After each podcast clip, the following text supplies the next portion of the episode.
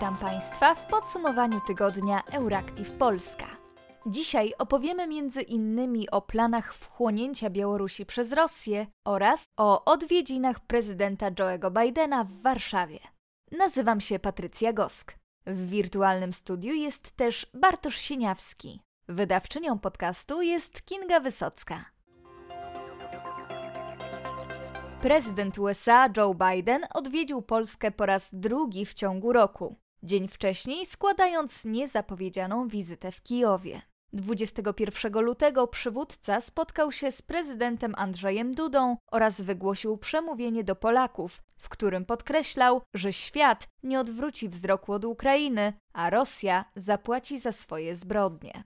Rok po wojnie Putin nie wątpi już w siły naszej koalicji ale nadal wątpi w nasze przekonania i wsparcie Ukrainy. Nasze wsparcie dla Ukrainy pozostaje niezachwiane, mówił amerykański przywódca. Trzeba przyznać, że przemówienie Joe'ego Bidena było obciążone przesadnymi oczekiwaniami. Spodziewano się konkretnych rozstrzygnięć. Część komentatorów mówiła o planie pokojowym czy o stałych bazach amerykańskich w Polsce podkreślała w rozmowie z Euractiv Polska profesor Uniwersytetu Jagiellońskiego Małgorzata Zachara-Szymańska. Choć takie rozstrzygnięcia nie padły, ekspertka nie jest tym zdziwiona. Nie taka jest rola prezydenta Stanów Zjednoczonych, żeby wykładał na stół negocjowane za kulisami propozycje. Wskazała. W swoim przemówieniu Joe Biden po raz kolejny podkreślał nienaruszalność artykułu 5 Traktatu Północnoatlantyckiego, który stanowi, że napaść na jeden z krajów NATO traktowana jest jako napaść przeciwko wszystkim. W maju 2022 roku prezydent zapewniał, że przepis ten jest świętym obowiązkiem Stanów Zjednoczonych. Tym razem mówił o świętej przysiędze. Amerykański przywódca wielokrotnie zapewniał też o zaangażowaniu w pomoc Ukrainie, nie mówiąc jednak konkretnie, jakie widzi możliwości zakończenia wojny. Do tej pory ze strony Stanów Zjednoczonych nie padły żadne konkretne deklaracje dotyczące bezpieczeństwa Polski. Nie znaczy to jednak, że nie padną one w najbliższym czasie. Nie chcę i nie mogę za bardzo o nich mówić, ale spodziewam się wielu konkretów mówił niedawno prezydent Andrzej Duda, podkreślając jednak, że być może będą to takie konkrety, o których nie będziemy mogli publicznie powiedzieć.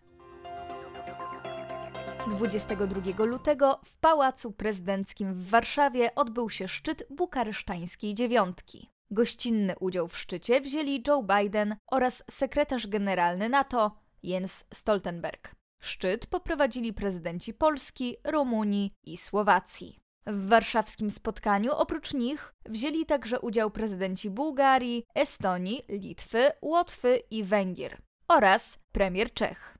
Bukaresztańska dziewiątka powstała w 2015 roku, a zatem po aneksji Krymu przez Rosję. Dziś, gdy zbliżamy się do pierwszej rocznicy kolejnej inwazji Rosji, tym ważniejsze jest, abyśmy działali razem.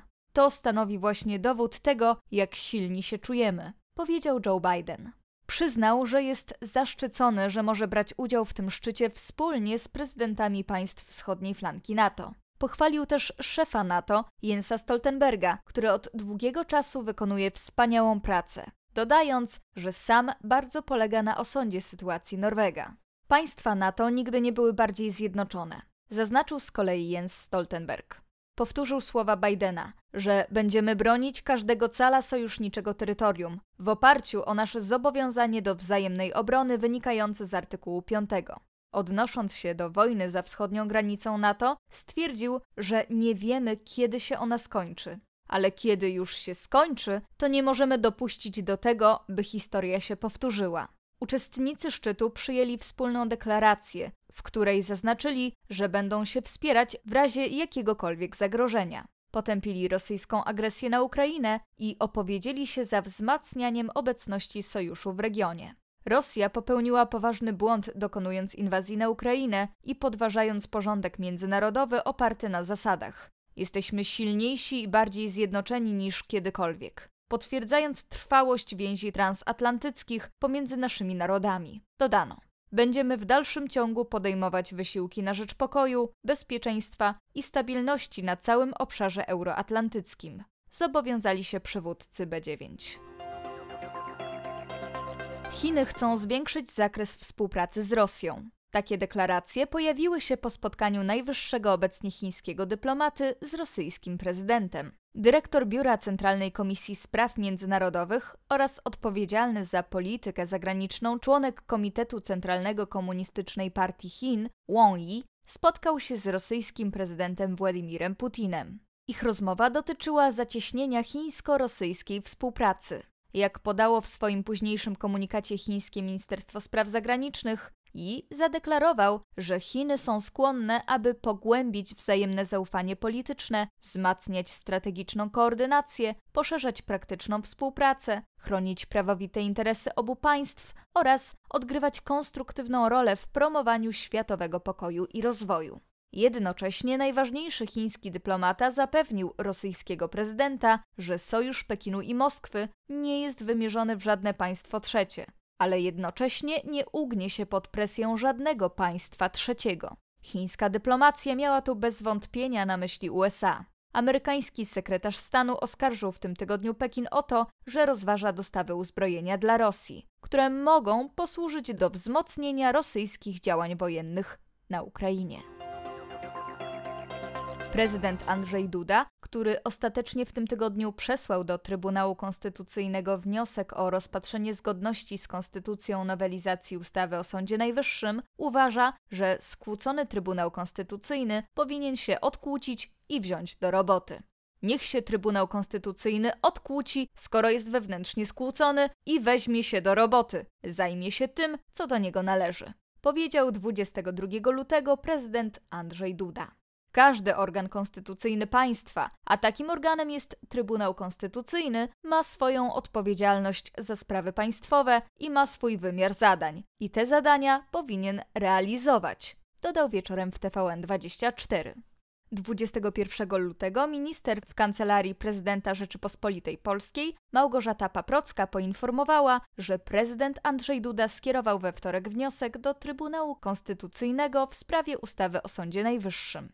Uchwalona niedawno kolejna kontrowersyjna nowelizacja miałaby wypełnić dotyczący sądownictwa kamień milowy, który jest jednym z warunków uruchomienia funduszy z Krajowego Planu Odbudowy. Tymczasem decyzję o skierowaniu nowelizacji do Trybunału Konstytucyjnego w trybie kontroli prewencyjnej Andrzej Duda podjął już 11 lutego. Wyjaśniał wtedy, że zależy mu na jak najszybszym uruchomieniu środków z Krajowego Planu Odbudowy, które są potrzebne do rozwoju polskiej gospodarki i zaapelował do sędziów Trybunału o sprawne rozpatrzenie jego wniosku.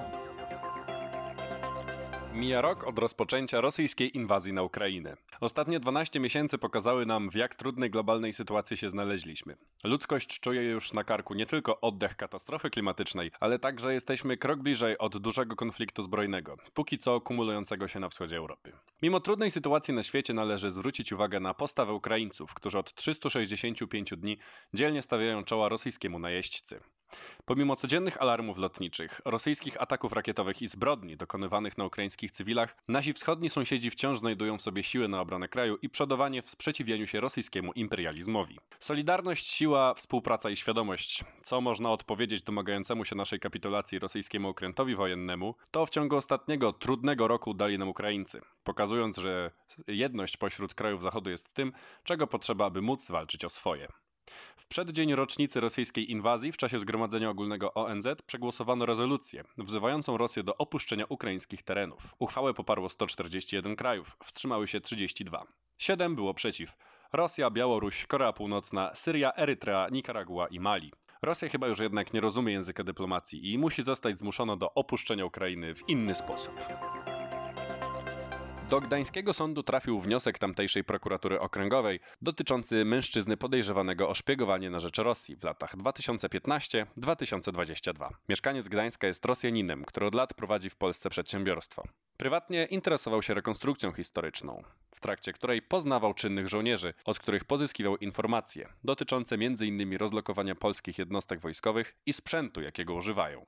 W oparciu o materiały zebrane przez Służbę Kontrwywiadu Wojskowego oraz materiał zgromadzony w toku śledztwa ustalono, iż mężczyzna brał udział w działalności rosyjskiego wywiadu wojskowego poprzez pozyskiwanie i gromadzenie informacji dotyczących sił zbrojnych Rzeczpospolitej. Poinformowała rzeczniczka prokuratury Grażyna Wawryniuk. Przed sądem może stanąć tych trzech Polaków oskarżonych o korupcję w związku z opłatami celnymi przewożonych do Polski towarów do przedsiębiorstwa mężczyzny oskarżonego o szpiegostwo.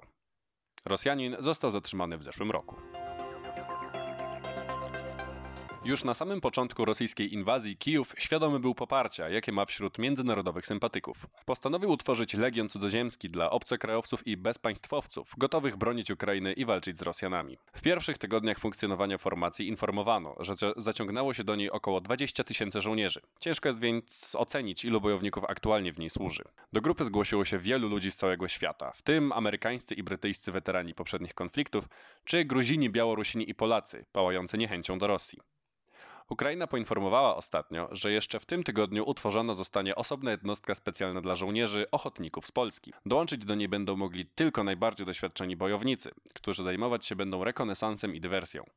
Formacja ma współpracować z podobną grupą złożoną z niechętnych Kremlowi Rosjan.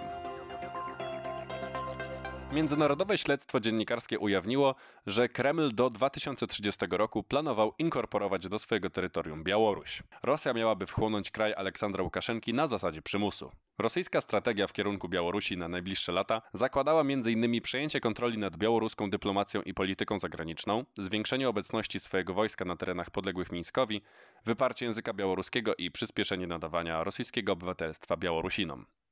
Ich konstytucja miałaby być dostosowana do rosyjskich interesów. Nie wiadomo, czy plan jest aktualny, jednak trudna sytuacja Rosjan w Ukrainie z pewnością go opóźniła. To już wszystko w dzisiejszym podsumowaniu tygodnia redakcji Euractiv Polska. Życzymy Państwu miłego weekendu.